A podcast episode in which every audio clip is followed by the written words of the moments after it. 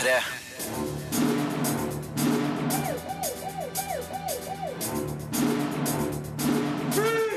Filmpolitiet! What's your name, dude? Birger Vestmo. What kind of stupid name is that? Velkommen til denne podkasten fra Filmpolitiet, der følgende filmer og serier anmeldes i dag. Snowden er et godt fortalt drama om varsleren Edward Snowden. Westworld er en smart og lekker western sci-fi-serie.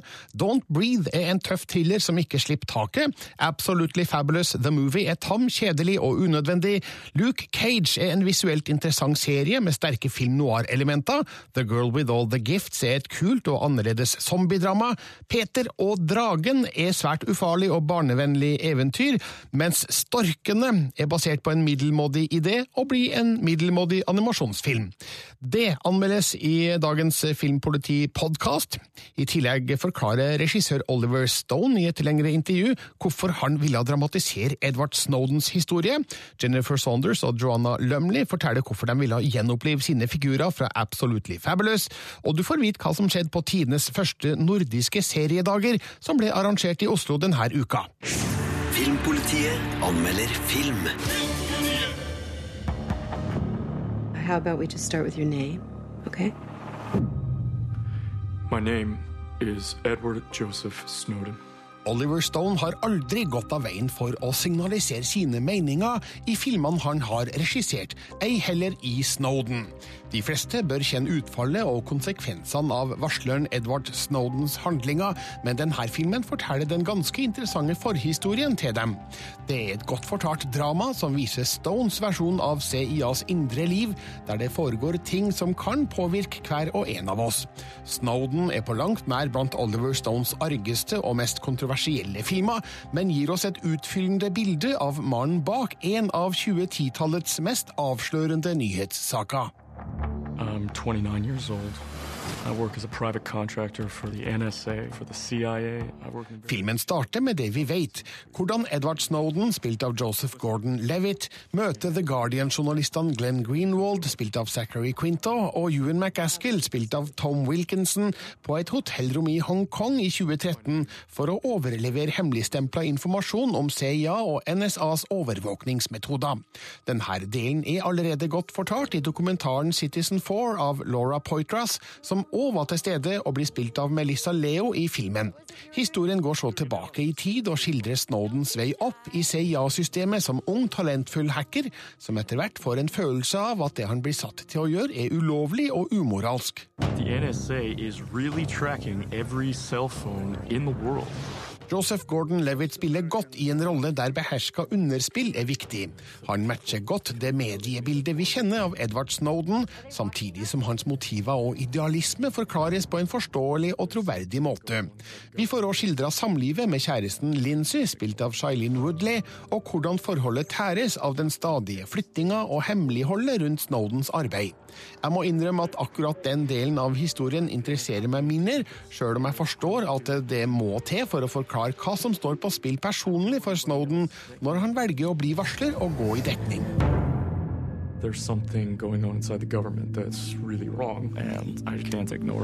Det her er altså Oliver Stones versjon av Edward Snowdens år som hacker og varsler. Som alltid skal man ta hans historier med en klype salt. Det her er en salig miks av fiksjon og fakta, men det er absolutt interessant og foruroligende. Stone faller for fristelsen til å smøre litt for tjukt på med strykere, store følelser og vakre solnedganger i en historie som kanskje burde hatt en mer realistisk tilnærming til stoffet. Men Oliver Stone er fremdeles en god forteller. Han gjør hendelser som helt sikkert var ganske kjedelige, oppriktig spennende. Snowden er en film som til tross for sine dramaturgiske friheter gir ny innsikt i og forståelse av hovedpersonens motiver og handlinger. Listen, they're gonna come for me. And now that we've made contact, they're gonna come for all of you too. Terningkast fire. Mannen bak er Oliver Stone, den ofte kontroversielle regissøren bak storfilmer som Platoon, Wall Street, Født 4. juli, The Doors, JFK og Natural Born Killers. Nå har han altså laga film om Edward Snowden, varsleren som i 2013 lekka dokumenter om CIA og NSAs overvåkning.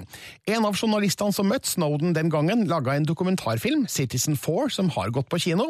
NRKs Sis week møtte Oliver Stone da han var i Oslo på onsdag, og spurte hvorfor han følte det var nødvendig å fortelle en eh, dramatisert versjon av Snowdens historie i tillegg. Laura Portra's award winning documentary sort of already revealed what has become known as the Snowden case. Why did you feel there was a, a need for a, a, dramatized account of these events? Well, hold on here, because, you know, the Poitras documentary, which is a fine film, revealed what more or less a, a, rough sketch of what happened in those five days in Hong Kong when he was with the journalists, but it was it was a slice of verite. Uh, it was not at all about why he did it and what kind of information he was sharing. It's hard to explain the information. We tried in our movie to dramatize the backstory, what he was doing in the NSA. He had many different posts in in Geneva, in CIA in Geneva, and then after that in Tokyo, in uh, Japan, and in uh, uh back in Maryland, and then ultimately in Hawaii. So uh, it's an interest. You, you you see it through his eyes, the way he grow, it grows, and you and I think you as a result you understand what he's learning because it's very tough, as I said, technically to understand this. He he reveals to us not only mass surveillance, he reveals drone warfare. Of course, it's tied to surveillance, and if, and then finally he reveals to us very powerfully, I think, the cyber warfare aspect of this whole thing, which is a new form of warfare that has been declared by the U.S the United States without really recognition or uh, no, anyone taking note of it. And it's a very dangerous form of warfare. So this is all the and he became Ed at the end was a cyber specialist. Uh, he was hacking, hacking and counter hacking China, and Pakistan. So there you go. I mean, in a nutshell, uh, there's a huge difference between a documentary and a, and a uh, drama. We have to condense nine year, nine years of material into a two hour was a massive effort, and it was only because of the cooperation of Ed Snowden that we were able to make the movie. Because we wouldn't, the information he gave us and the dialogue from the NSA is very, is if you believe him, it's true and it's accurate. I was thinking while seeing the movie also that this, in a way, is also a war movie, but it's about modern warfare. That's right. You know, it's yeah. very. I saw Platoon again you know, and now it's sort of the soldier has been replaced by the computer nerd. Very well said. Um, so, what are your thoughts on how we as a public now can take a stand uh, when our governments go to these sort of secret wars? Of course, that's very well put, and I. You, you've hit the nub of the problem is that most people don't understand. They don't understand what cyber warfare is. Uh, let's start with where it's 2007. The United States uh, declared war, but didn't declare war. It never said it did. It was a secret war. They they uh, we cyber we we destroyed the uh, Iranian uh, centrifuges and one of their nuclear facilities with the help of Israel. That was a major triumph for the U.S. in terms of its own perception, and uh, this was through cyber warfare. The Stuxnet virus was launched. Uh, it worked for a while because six months later the Iranians rebuilt those centrifuges. Meanwhile, the virus was revealed to other countries and became known because it actually didn't end in Iran, it continued and it was picked up by other computers elsewhere. And finally, uh, the point of what I'm trying to say is that other countries re- recognized right away that the United States was willing to go to war like this. So they started to develop their own techniques. Russia, China, England, uh, Iran, all yeah, whatever country, and also individual hackers have been able to get into the systems of the United States high up. Mm. So here we are now in 2016. We're in enorm- there's enormous amount of hacking going on. This is a form of warfare, and some of it can be very serious. And one thing also you learn, I've learned, uh, is that the virus is hard to identify. In other words, the man who actually discovered that it was a success, the researcher that discovered it took six months, seven months to do it. It's complicated. So when you see uh, loose uh, uh actors, politicians, uh, let's say politicians making loose accusations against other countries, uh, like for example, the Democratic National Committee was hacked, and Hillary Clinton said it was the Russians. She has no right to do that because it doesn't. We don't know, and it'll take some time to find out. This is a vague kind of warfare. The point being that the next the next war is started in a sense. They call it World War III. It could lead to hot war in the sense that something happens in a country, a, an engineering problem, an infrastructure problem, a dam stops, a railroad station goes out, this and that. Until they find a source, there's going to be all kinds of crazy accusations. Next thing you know, there's a, a chain of retaliations, and and we'll be at war, World War III, which will turn hot, and no one will know how it started and who started it. It's a very dangerous thing. We need a cyber warfare treaty right away. We need it between all countries. But the United States, having started it, has not se- does not want to uh, does not seem to want to end it with a treaty. In other words, we keep developing new forms. We're spending the most amount of money on it. We've we've created a cyber command, which is a sixth form of uh, sixth command, air, land, sea, space, uh, and cyber. Okay, I mean it's a it's a hard to understand, but it's serious. I don't want to be too serious. It's a movie, but you, in Japan, you see him. He talks about it when he's working in Japan. He says the Japanese. I just want to make this point in reference to your country, Norway, which is the Japan. He says the Japanese did not want to tap their population. We did it anyway. We didn't care about Japanese rules. And beyond that, we planted malware in that country. This is what he's talking about. This is 2008, 9.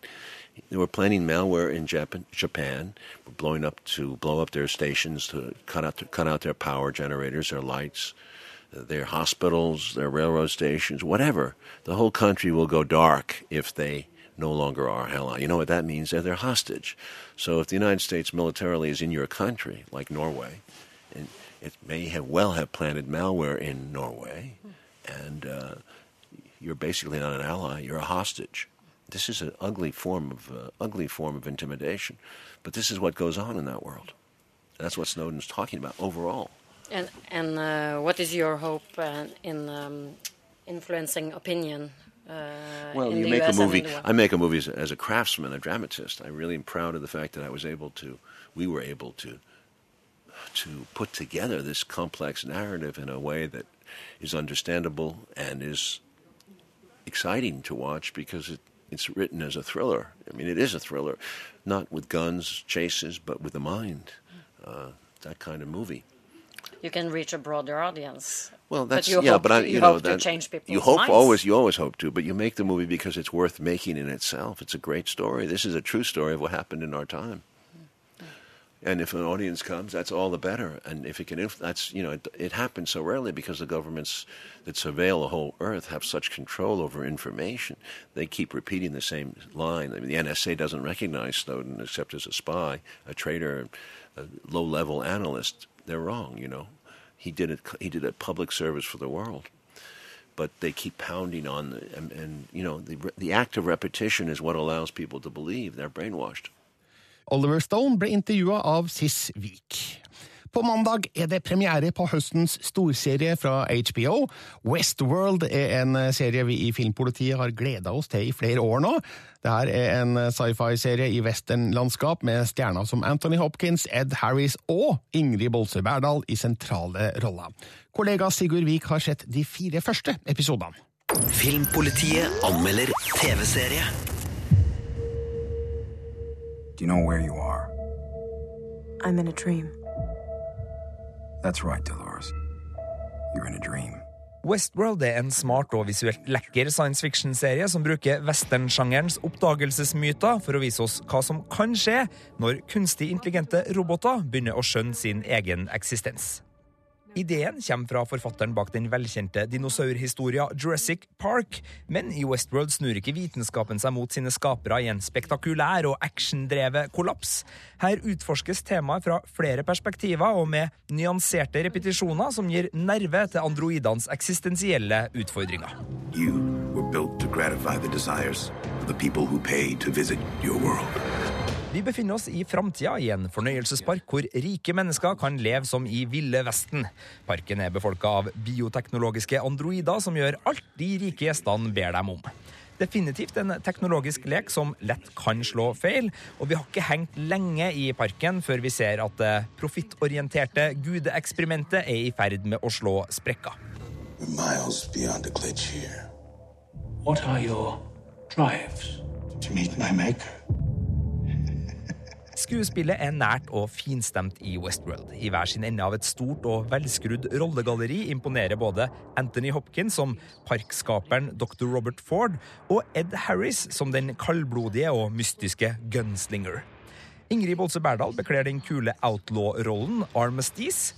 Hun har både tilstedeværelsen, timingen og actionegenskapene som gjør hun til en av seriens mest fengende bekjentskaper. So our creatures have been misbehaving.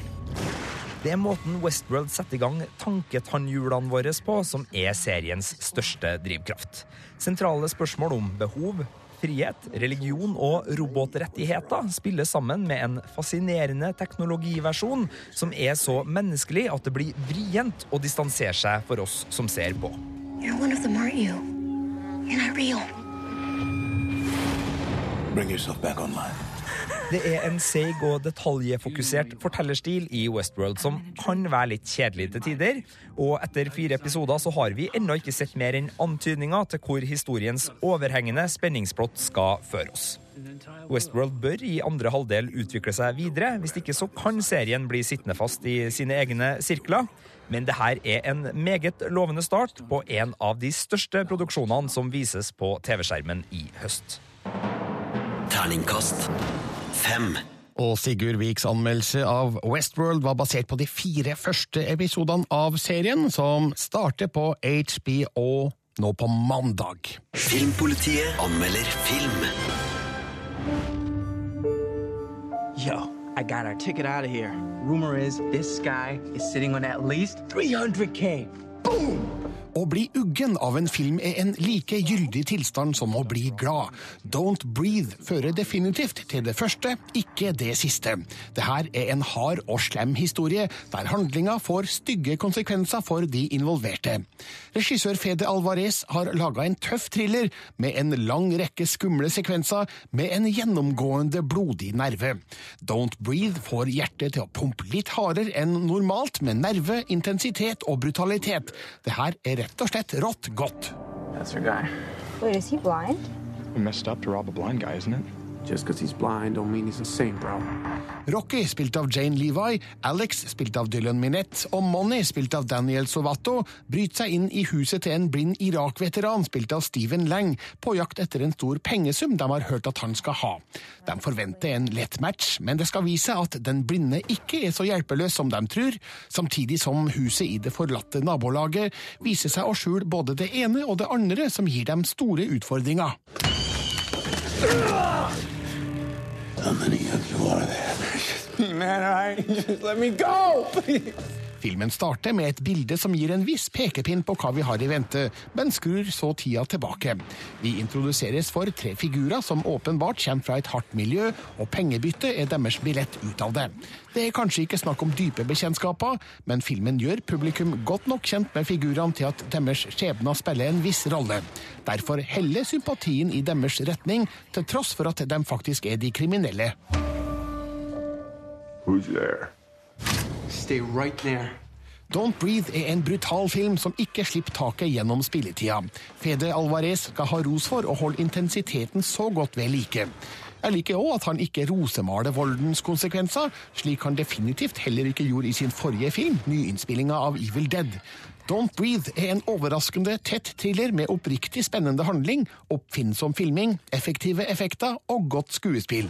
Jeg følte meg ganske kjørt da det hele var over, noe som var nøyaktig den effekten jeg håpa at denne filmen skulle ha. Now you're gonna see what I see.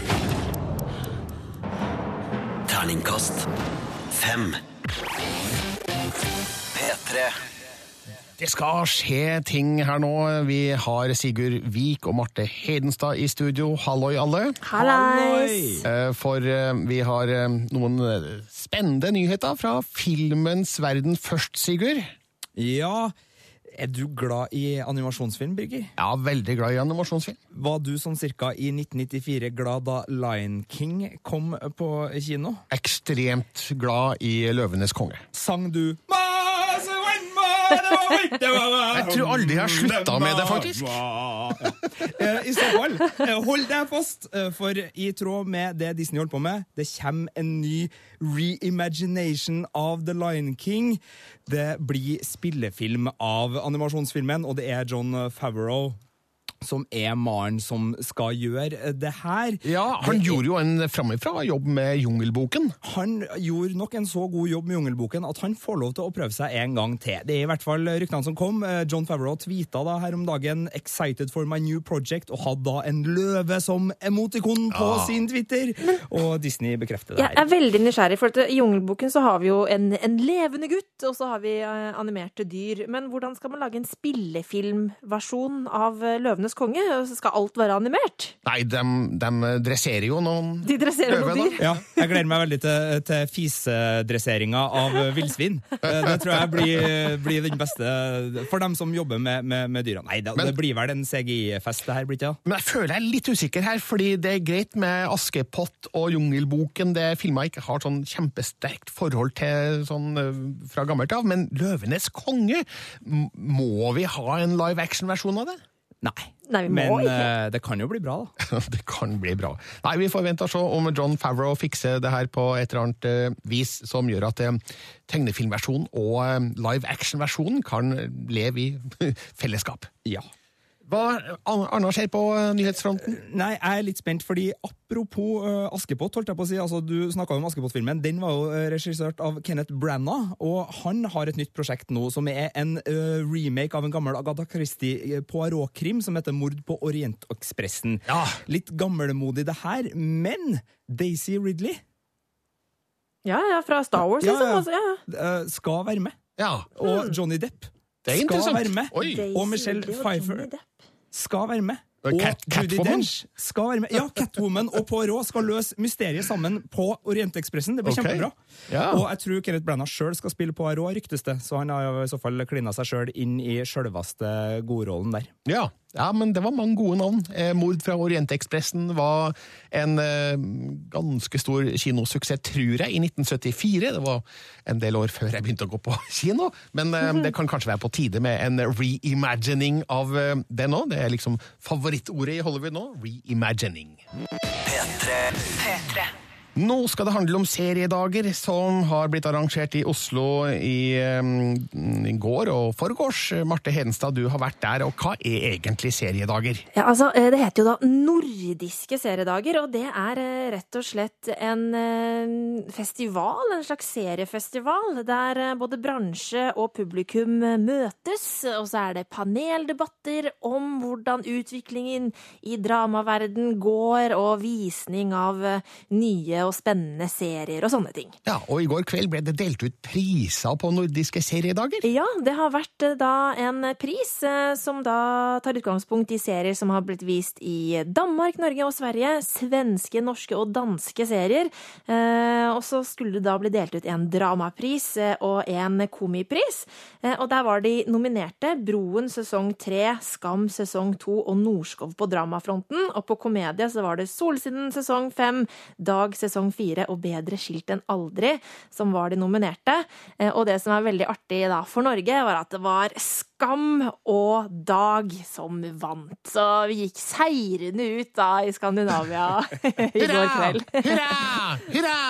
Veldig fornøyd med det. Men du har altså fått smakebiter på kommende TV-serier på Ja. nordiske seriedager. Hva har du sett for noe? Eh, altså, Vi kan jo begynne med at det rett og slett var verdenspremiere på Eyewitness, som er den amerikanske remaken av Øyevitnet, eh, som gikk her i Norge for eh, noen år tilbake.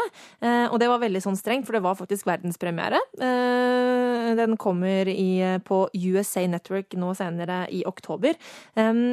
Men eh, jeg må si det er bedre på norsk, altså. Eh, så jeg vet ikke helt hvordan den kommer til å gå i USA, men det var spennende å se. Og så fikk vi se første episode av Frikjent, sesong to. Nå skal Aksel ut i, i rettssak mot en viss person. Jeg vet ikke hvor mye jeg kan si. Jeg. Det er ikke alle som har sett ikke ferdig Frikjent sesong 1, kanskje. Den, den begynner på TV2 i november. Starten Ja. i november, frikjent sesong 2. Mm. Det kan vi si. Det kan vi si. Men uh, det var spennende, det, altså. Og det som var kanskje enda mer spennende, var at vi fikk se en uh, litt uferdig, men uh, sånn passe ferdig versjon av første episode av Unge lovende eh, sesong to, eh, som jeg gleder meg veldig til å se videre. Så var det selvfølgelig Westworld også, da, som dere allerede har snakka om. Oh, Westworld. Mm. Ja, ja, ja. Du, jeg må bare spørre, for jeg får jo litt sånn Comic-Con-vibba av eh, hvordan du beskriver nordiske seriedager. Er det sånn at du kan liksom ta på deg den der eh, ullgenseren fra Forbrytelsen og, og få autografer og sånne ting? Eller hvordan var Eh, den stemninga? Du kan selvfølgelig ta på deg ullgenseren, men jeg tror kanskje du blir sett litt rart på. For selv om det er billettsalg og publikum, åpent for vanlig publikum, så var det veldig sånn bransjete festival det her. Eh, Så jeg tror nok det er først og fremst for bransjen. Men eh, hvis man er ekstra interessert, så kan man selvfølgelig dukke opp i Kanskje, cosplay. Men eh, kanskje det kommer neste år, hvis nordiske Kanskje. seriedager blir mm, arrangert da også. Takk for rapporten, Marte Hedenstad. Takk også til Sigurd Vik. Filmpolitiet anmelder film. I think I am now officially fatter sideways than I am front on. No, you don't need those. I am your mirror. How do I look? Fabulous. Det harseleres mye med at hovedfigurene er gamle og utdaterte i Absolutely Fabulous The Movie, basert på den britiske TV-serien Absolutt fabelaktig, som ble produsert med ujevne mellomrom fra 1992 til 2012. Problemet med filmen er at de nå er gamle og utdaterte. Humoren som fungerte i 1992 er ikke lenger like treffende, men er i stedet påtrengende, slitsom og poengløs. Det er bare å håpe at Edina og Patsys svorne tilhengere vil finne noe å la seg underholde av i Absolutely Fabulous The Movie, men sjøl fant jeg denne filmen overraskende tam, kjedelig og unødvendig. You don't know this, and I don't know this, Kate Moss is changing her PR. You've got to get her. Kate Det går ikke så bra for London-venninnene Edina Monsoon, spilt av Jennifer Saunders, og Patsy Stone, spilt av Joanna Lumley. De ser finansene skrumpe inn, og varsellampene blinke når champagneskapet viser seg å være tomt. Så får de greie på at supermodellen Kate Moss, som spiller seg sjøl, trenger en ny PR-agent. Edina gjør et helhjertet forsøk på å lande jobben, noe som både hun og Patsy tror vil sikre deres kostbare livsstil. Men planen slår grundig feil, og de må rømme til den franske rivieraen. Denne historien er konstruert rundt surr og fjas, noe som òg gjaldt TV-serien, men jeg husker den som skarpere og mer bitende. Kanskje er det fordi satire over mote- og modellbransjen er gjort til døde. Kanskje er det fordi humoren som Jennifer Saunders skriver, passer bedre inn i et kjapt TV-format enn i en lengre spillefilm. Eller kanskje er det fordi regissør Mandy Fletcher har nesten utelukkende TV-seriebakgrunn og mangler erfaring fra spillefilmformatet. Absolutely Fabulous The Movies blir aldri riktig god. Gjensynsgleden går over lenge før filmen har kommet halvveis. Da har vi allerede blitt bombardert med for mange figurer og en unødvendig sidehistorie som fåfengt forsøker å vekke ekte følelser. Yes, we're free. We're the south of France. Everyone's a criminal. The fortunes, the estates, the yachts. Absolutt fabelaktig var et fortjent fenomen på TV, der det var fornøyelig å følge Edina og Patsy. Absolutely Fabulous The Movie er dessverre et feilskjær i sagaen, og er kanskje det siste vi ser av de her figurene. Det kan i så fall være like greit, for filmens kvalitet tilsier at siste dråpe av champagnen er drukket. Det var gøy så lenge det varte. We're not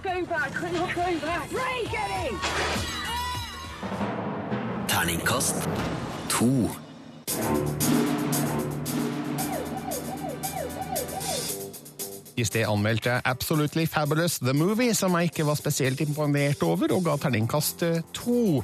Men eh, TV-serien, som starta i 1992 under navnet Absolutt fabelaktig her i Norge, den har jeg gode minner fra. Nå har altså da Jennifer Saunders og Joanna Lumley bestemt seg for å gjenoppleve sine figurer, Dina og Patsy, på film. Og hvorfor har de egentlig det? Vel, Espen Aas fikk svaret da han møtte dem i London.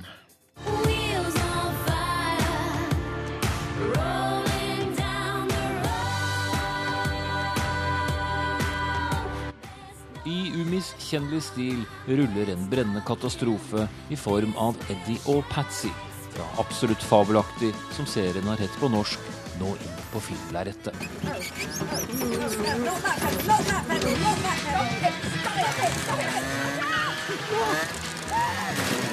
Som alltid er det Jennifer Saunders og Joanna Lamley som spiller hovedrollene. Saunders har som vanlig skrevet manus også, og innrømmer at de nok savnet seg selv litt da NRK møtte dem til intervju i London. And I was after Edgy each one, go, "Oh, that's it now. Let's just call it a day." But then you miss them. It's like missing your best friends. You go, "Oh, that would be quite nice to get them back for that or this." When I was coming in earlier, a woman screamed at me, darling. Et eh, forsøk på å igjen skape seg et navn innenfor PR i Londons viktige fashionverden går ikke så fryktelig bra for hovedpersonen Eddie. Derfor må hun og venninnen Patsy rømme ut av landet til Syd-Frankrike. Og faktisk så var det med reisemålet hele ideen til filmen startet, avslører Saunders. And all we, we just, the first thought not. was, where are we going to go? Yes. Where should we set it? Mm, south of France. Yes, that sounds quite nice. Kate, where's Darling, just be cool, Eddie. Yeah, I am cool, darling. I am cool. I 1992 var det første gang de to snublet rundt på TV-skjermen. Og det er nesten 25 år siden det nå. Og de to hovedpersonene måtte også få lov til å ha blitt eldre da manuset skulle skrives. We never die. We haven't died yet. Because we've seen in the series that they live much, much, much older. Yeah. It doesn't matter how old we get. Alvestina, you have to come. Stella will give you all the clothes you need. Filmen er ellers spekket med Kylie Minogue som fremfører kjenningen til serien, og på lerretet dukker også andre Kate Moss, Stella McCartney, Graham Norton, Jerry Hall, John Ham og en hel haug med andre kjente ansikter opp. Men det gjør også den sarkastiske moren til Eddie, den snusfornuftige datteren Saffy og den noe forvirrede assistenten Bubble og de andre gamle kjente ansiktene. Og de måtte med, sier Jennifer Saunders. Yes, because I wanted it to sort of be a little tribute to the series too, and that everyone that was in it should feel part of it and included. And also for the fans, I think they they enjoy that. Pat! Pat! what? Today's the day I signed the deal on my book deal, darling. Uten å gå inn på handlingen i detalj, så er det få ting som går som de har planlagt. Men det konsumeres store mengder champagne, sigaretter og enda litt til i kjent stil. Såpass at en nesten kunne være fristet til å lage et absolutt fabelaktig ordspill. Nesten. Espen Aas, London. Filmpolitiet anmelder TV-serie. Still not sure what I am. I'm just living my life, day to day. You should be out there helping people. You think I asked for any of this? I just want to be left the hell alone.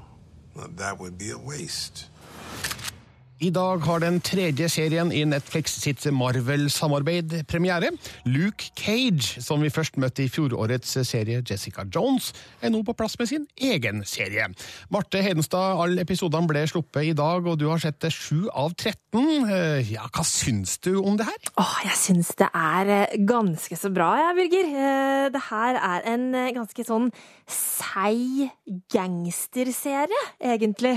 Mer enn en eh, superheltserie, men det fungerer som, eh, som bare rakkeren. Så jeg koste meg skikkelig med de, eh, med de syv episodene av eh, Luke Cage. Ja, på anmeldelsen, eller I anmeldelsen på nett så skriver du at den har sterke film noir-elementer. Mm, ja, vet spesielt første episode er veldig film noir. Eh, altså, du har liksom den derre skyggelyseffekten, silhuetter, eh, gjerne sånne mørke rom som har en veldig konkret lyskilde som lyser opp kanskje fjeset. Eh, jazzmusikken i bakgrunnen. Du har eh, artisten som står inne på klubben og, og synger en jazzlåt mens det klippes eh, mellom noe voldelige opplegg. Altså, det er veldig filmatisk, dette her, Ja. eh, og veldig flott eh, å se på. Visuelt lekkert, altså. Men, men hvem er Luke Cage i Marvel-universet? Altså, Luke Cage eh, er en fyr som rett og slett eh, etter et, han, var- at han var i fengsel, og det var noen sånne merkelige eksperimenter på gang der, så ble han skuddsikker og ble utrolig sterk. Så han er jo ganske så nesten uovervinnelig. Og vi møtte han for første gang i Jessica Jones, hvor hun møter han i den baren han driver. Eh, Men eh, i denne serien her, som foregår noen måneder etter Jessica Jones, så har han flytta til Harlem, eh, ut av Hell's Kitchen altså. Og så prøver han å på en måte egentlig bare leve livet sitt i fred. Men så skjer det da ting som gjør at han på en måte tvinges til å ta affære og hjelpe menneskene i Harlem mot de slemme kriminelle. Men eh, Marte, superheltserie fra New York, eh, det har vi sett før. Ja, vi har det. Eh, Vi har vært i Hell's Kitchen, Ja. nå er det altså Harlem. Mm. Og hvordan er Luke Cage sammenligna med Jessica Jones og en annen Marvel-serie, Daredevil? Mm, altså, det at vi har flytta til Harlem nå, har faktisk eh, overraskende mye å si. Eh, fordi det er nesten sånn at Harlem er, eh, er en egen rollefigur i serien. Den har mye mer med på en måte handlingen og settingen enn det Hell's Kitchen hadde for de andre seriene. Fordi at det er veldig mye historie her.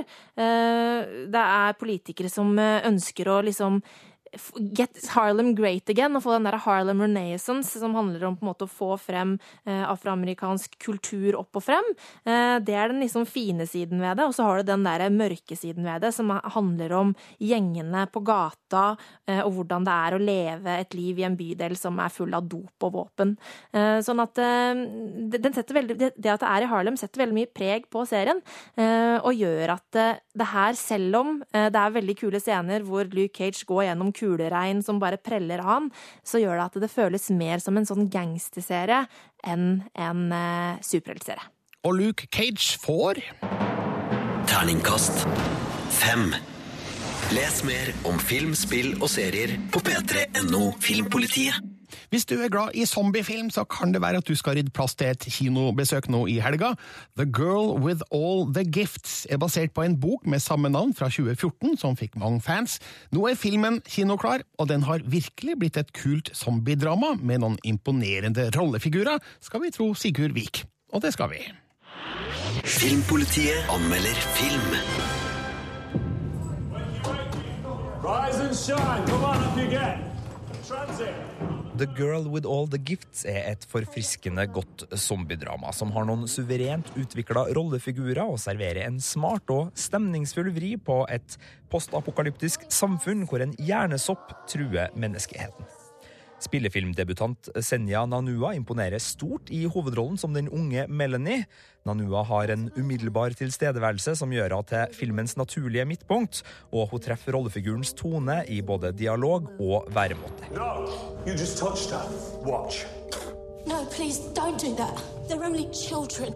En sopp som angriper hjernen, har smitta storparten av jordas befolkning og gjort dem til hjernedøde og kjøttspisende zombier, såkalte hungries. Fremtida ser mørk ut for de få gjenlevende menneskene, men en forsker nærmer seg en kur, og med hjelp fra den helt unike jenta Melanie, så kan det finnes håp. I am producing a vaccine, and she is the main ingredient. I de mest zombietunge delene sliter filmen litt med at den glir inn i sjangerklisjeene. De soppinfiserte kjøttspiserne er generiske i både utseende og oppførsel, og jeg opplever også at scenene hvor menneskene speider etter zombier, blir rene transportetapper. Alt er helt OK laga, men det gir ikke filmen særpreg, og minner mest om en hvilken som helst episode fra tidlige sesonger av The Walking Dead. Once upon a time, there was a woman.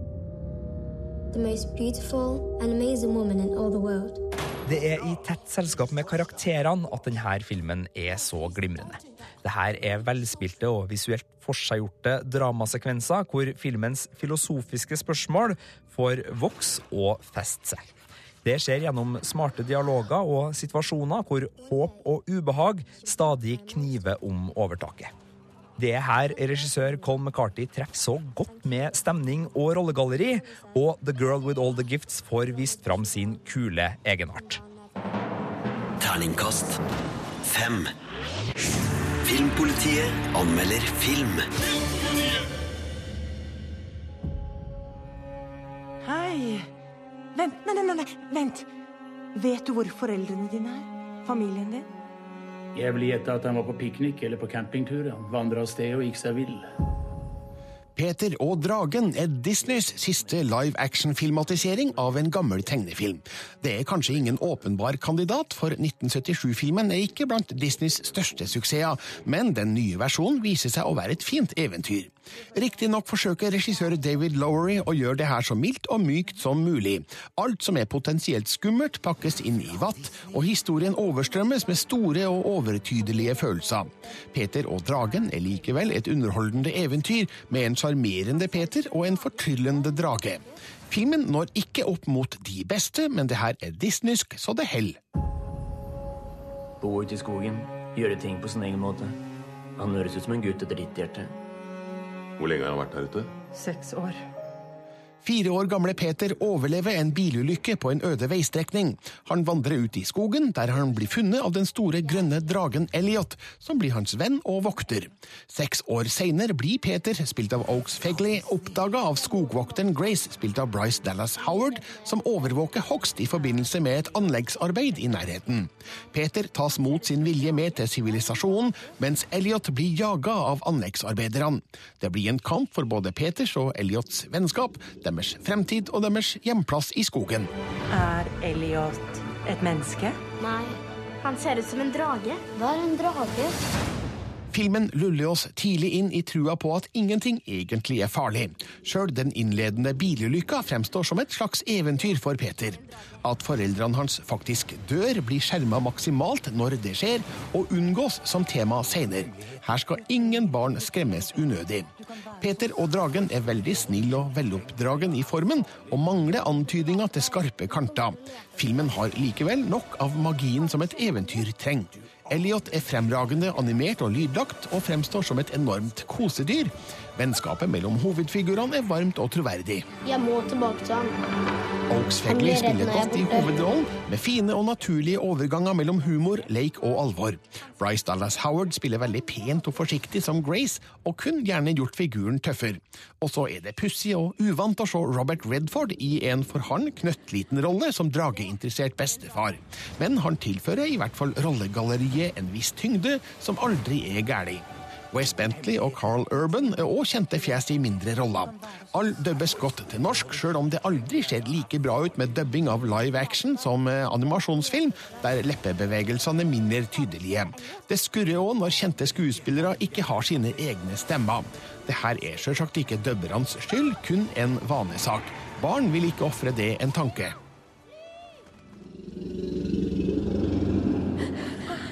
Det er en drage. Peter og dragen har noen detaljer som man kan sette fingeren på. Har ikke Peter en eneste slektning som kan kontaktes når han blir funnet? Hvordan har han overlevd i skogen? Hvordan har han utvikla språket sitt med en ikke-snakkende drage som eneste venn?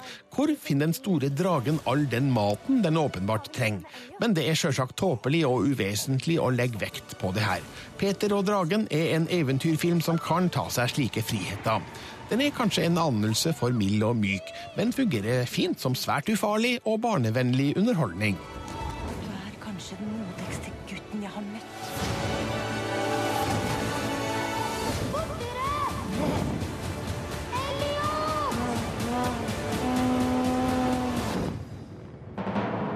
Terningkast fire. At babyene kommer med storken er en barnevennlig løgn av den litt gammelmodige sorten. Men nå har den historien blitt til en splitter ny animasjonsfilm fra selskapet bak Lego-filmen, Warner Animation Group. Sigurd Vik har sett den. Filmpolitiet anmelder film. In the beginning, storks delivered babies. Storkene er friksjonsfri animasjonshumor av den middelmådige sorten.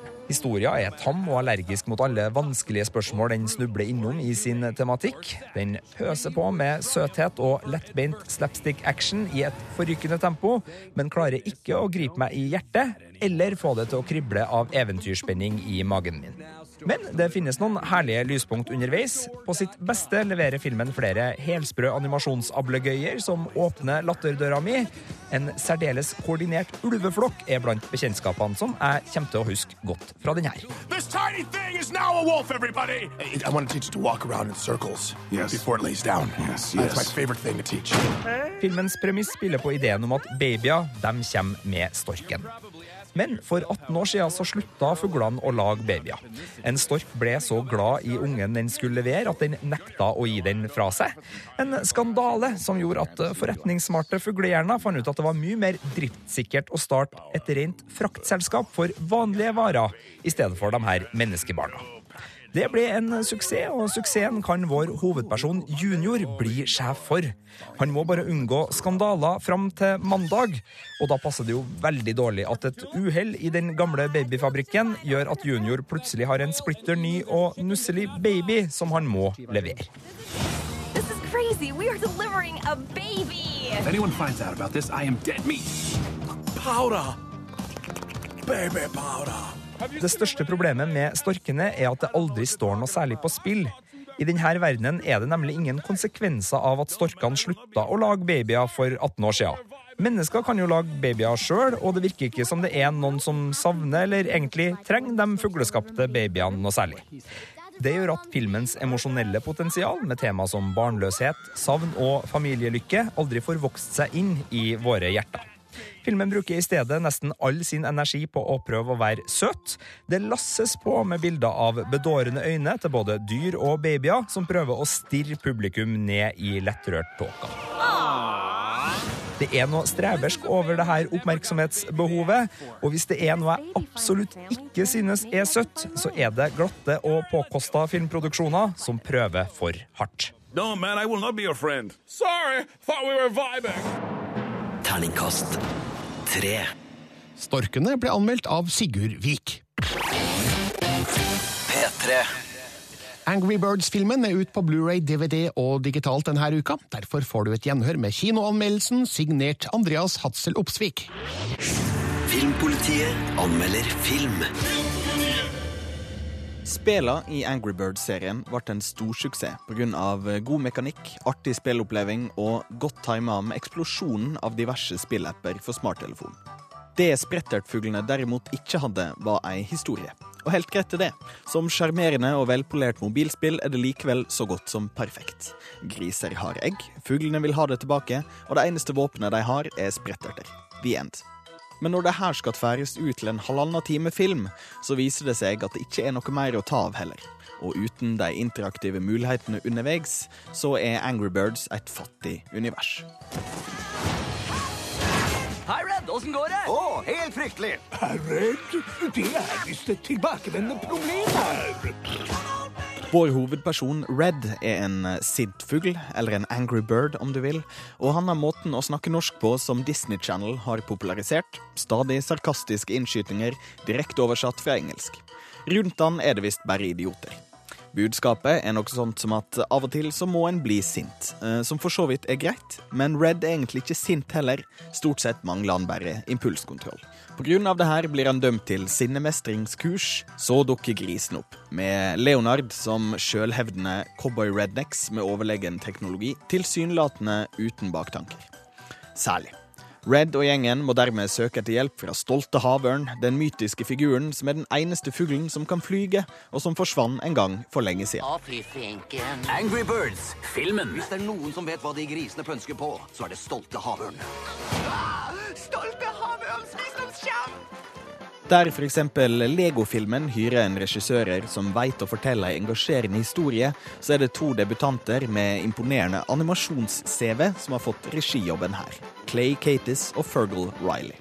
Og like åpenbart som at manusbudsjettet i denne filmen er lite, så er også animasjonsbudsjettet harmonerende stort.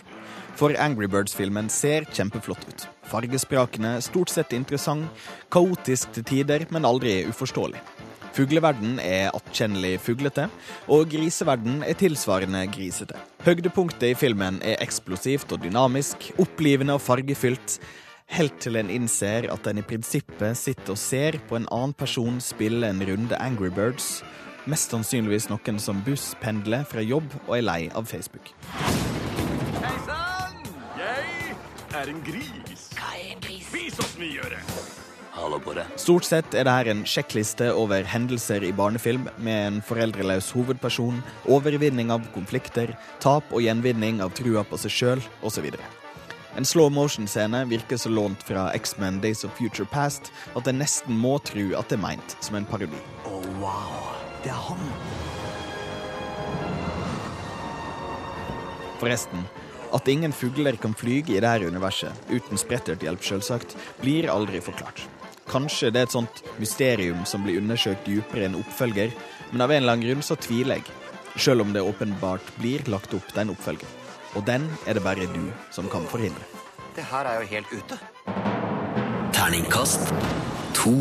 Angry Birds-filmen ble anmeldt av Andreas Hatzel Opsvik og er nå tilgjengelig på Blu-ray, DVD og digitalt. Og dermed er denne ukas podkast fra Filmpolitiet over. Takk for nedlastinga, takk for lyttinga. Vi er tilbake om en uke. Filmpolitiet med Birger Vestmo på P3.